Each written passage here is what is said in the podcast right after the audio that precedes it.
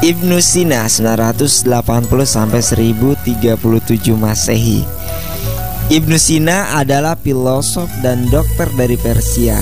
Barangkali dialah filosof dan dokter di dunia Islam yang paling terkenal. Secara umum, dunia kedokteran pada mulanya hingga berabad-abad setelah itu sangat terkait dengan filsafat. Sehingga hampir sebagian besar filosof Arab termasuk Al-Kindi dan Ibn Rushd adalah dokter. Para khalifah dan sultan mengangkat mereka sebagai dokter negara, pendidik anak-anak mereka dan sekaligus sebagai penasihat politik. Ibnu Sina meninggalkan kurang lebih 267 buku. Tiga di antaranya adalah buku Klopedia yang abadi. Dua dalam bidang filsafat, yaitu Al-Isyarat wa Al-Tanbihat dan Al-Shifa. Satu buku dalam bidang kedokteran, yaitu Al-Qanun fi Al-Tib. Buku Al-Qanun telah menduduki tempat yang sangat terhormat di antara buku-buku kedokteran yang muncul sebelumnya dan menjadi buku kedokteran yang diandalkan di dunia Islam hingga awal abad ke-20. Di Eropa, buku yang sama juga menjadi buku rujukan utama dalam pengajaran di fakultas-fakultas kedokteran hingga abad ke-17. Sampai dikatakan buku ini menjadi buku suci kedokteran paling lama dibandingkan buku-buku kedokteran yang lain. Dapur Remaja Aulanya anak muda, dewasa yang berhati remaja. Popol adalah salah satu cara orang dulu untuk mengobati rasa sakit kepala. Yang bahannya terbuat dari daun-daunan. Ada daun pete Cina dicampur dengan teh juga bisa juga digunakan dengan daun sosor bebek. Itu namanya popol. Yang diikat di bagian jidat atau kening kepala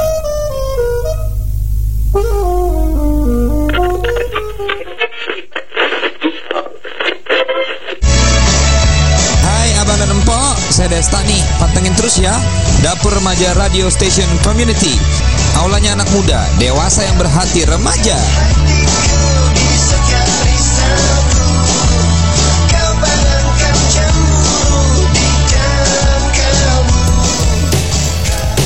Ngobras, ngobrol bareng santai hanya di 107.8 FM Dapur Remaja Radio. Di program ini, Abang dan Bo bisa kirimkan cerita dan curhatan Abang dan Bo untuk dibahas bersama-sama di acara Ngobras. Hadir di setiap hari dari pukul 17.00 sampai dengan 20.00 waktu Indonesia bagian Barat.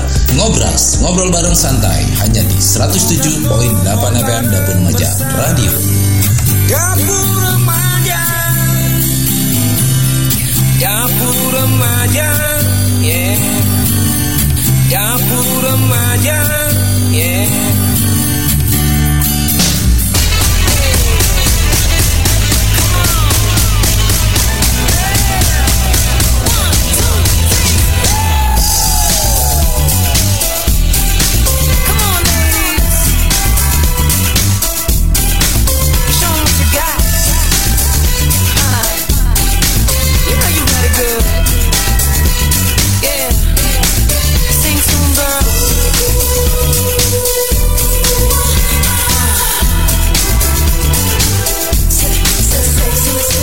107.8 FM Dapur Remaja Radio Aula Nyalak Muda Dewasa yang berhati remaja. Ngobras, ngobrol bareng santai di kesempatan sore hari ini Abang dan Po.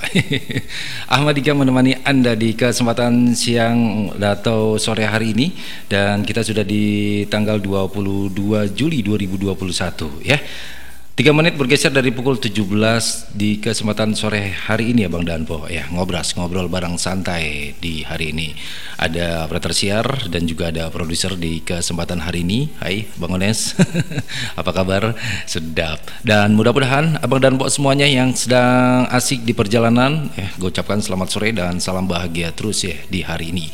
Dan sebelum itu gue akan membacakan sebuah artikel yang sudah masuk ke redaksi News Dapur Remaja Radio. Artikel yang berjudul Undang-Undang Cipta Kerja mempermudah usaha dan investasi di masa pandemi COVID-19.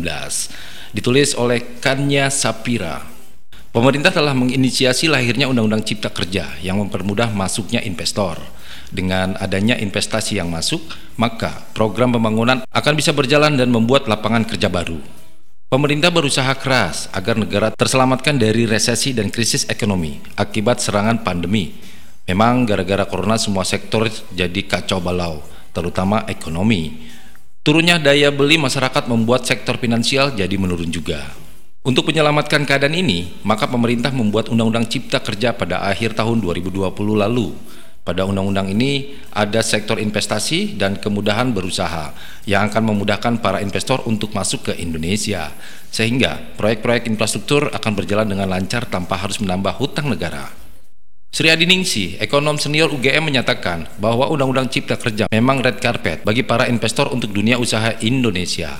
Termasuk pula aturan turunannya, namun dengan syarat kebijakan fiskal tidak membuat menjadi berat. Reformasi perpajakan diharap membuat semua jadi lebih baik. Sri menambahkan, Indonesia harus bisa memanfaatkan kerjasama ekonomi yang sudah dilakukan dengan berbagai negara. Hal itu merupakan salah satu pintu masuk investor datang ke Indonesia. Dalam artian, sebenarnya sudah banyak penanam modal asing yang masuk ke negeri kita dan langkah mereka makin dimudahkan dengan aturan-aturan dalam Undang-Undang Cipta Kerja. Kerjasama ekonomi memang sudah terjalin antara Indonesia dengan negara lain. Seperti RRC, mereka bahkan menyiapkan dana hingga 20 triliun rupiah untuk membangun pabrik furniture Kerjasama ini jelas menguntungkan karena akan menambah lowongan kerja baru. Apalagi banyak WNI yang kehilangan pekerjaan di masa pandemi, sehingga mereka bisa melamar kerja di sana. Selain itu, Swiss dan Singapura juga akan menambah investasinya di Indonesia. Penyebabnya karena di negeri kita adalah banyak potensi SDA yang bisa digali dan SDM-nya juga berkualitas tinggi, sehingga akan tercapai kerjasama yang saling menguntungkan. Sudah jelas bahwa Undang-Undang Cipta Kerja akan memudahkan para investor untuk masuk ke Indonesia karena aturan akan dipermudah. Misalnya untuk masalah perizinan, jika dulu harus menunggu sampai berbulan-bulan, sekarang hanya tujuh hari kerja. Pengurusan juga bisa via online sehingga sangat praktis, hemat waktu, biaya, dan juga ongkos transportasi. Juga bisa diurus jarak jauh ketika investor masih ada di negerinya sendiri. Masyarakat tidak perlu khawatir akan banyaknya investor yang masuk ke Indonesia dan pikiran macam-macam karena akan diatur oleh Badan Pengelola Investasi sehingga akan lebih memiliki manajemen yang baik dan terstruktur. Badan yang dikepalai oleh Menteri Luhut B. Panjaitan juga bertugas untuk mengawasi investasi sehingga tidak ada kebocoran atau hal-hal buruk lainnya. Dengan adanya badan pengelola investasi, maka akan bisa mengawasi investor lebih ketat, sehingga kerjasama akan dipastikan sangat menguntungkan bagi kedua belah pihak. Jadi, anggapan bahwa investasi adalah perbudakan modern sangat salah, karena harus menguntungkan satu sama lain. Ketika ada yang mulai error, maka akan langsung disemprit oleh badan pengelola investasi. Undang-Undang Cipta Kerja sengaja didesain pemerintah untuk mempermudah masuknya investor ke Indonesia. Ketika undang-undang ini dilaksanakan di lapangan, maka penanam modal asing akan percaya, lalu berbondong-bondong masuk ke Indonesia. Sehingga proyek baru akan berjalan dengan lancar dan membuka banyak lowongan kerja bagi warga sipil di negeri ini. Penulis adalah kontributor Pertiwi Institute. Kita kembali ke acara Ngobras.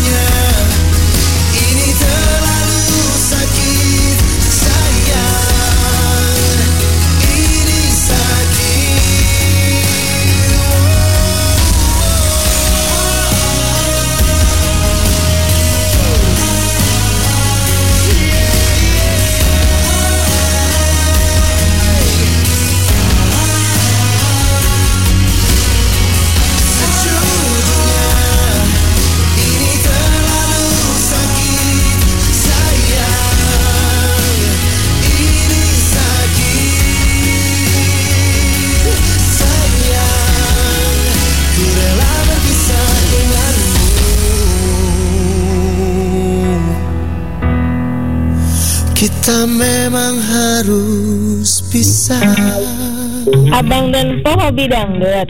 Dapur remaja punya menunya. Ada ngopi, Ngopi. Ngobrol kita pagi ini. dandang. Dangdang. Dangdut berdendang. Untuk menemani istirahat malam hari, ada nasi uduk, Nasi uduk. Nongkrongin album spesial udang berkenangan. gongseng nasi, Gongseng nasi. Goyang senggol sana sini. sepiring aron, Di awan. Senandung tunggu dulu. Masih ada lagi tahu. IBT atau nggak enak tidur. Obatnya cuma ada di sini. Ada lalapan, Bulan lupa makannya. teh manis, Menemani anda istirahat. Pokoknya di stasiun paling puncak.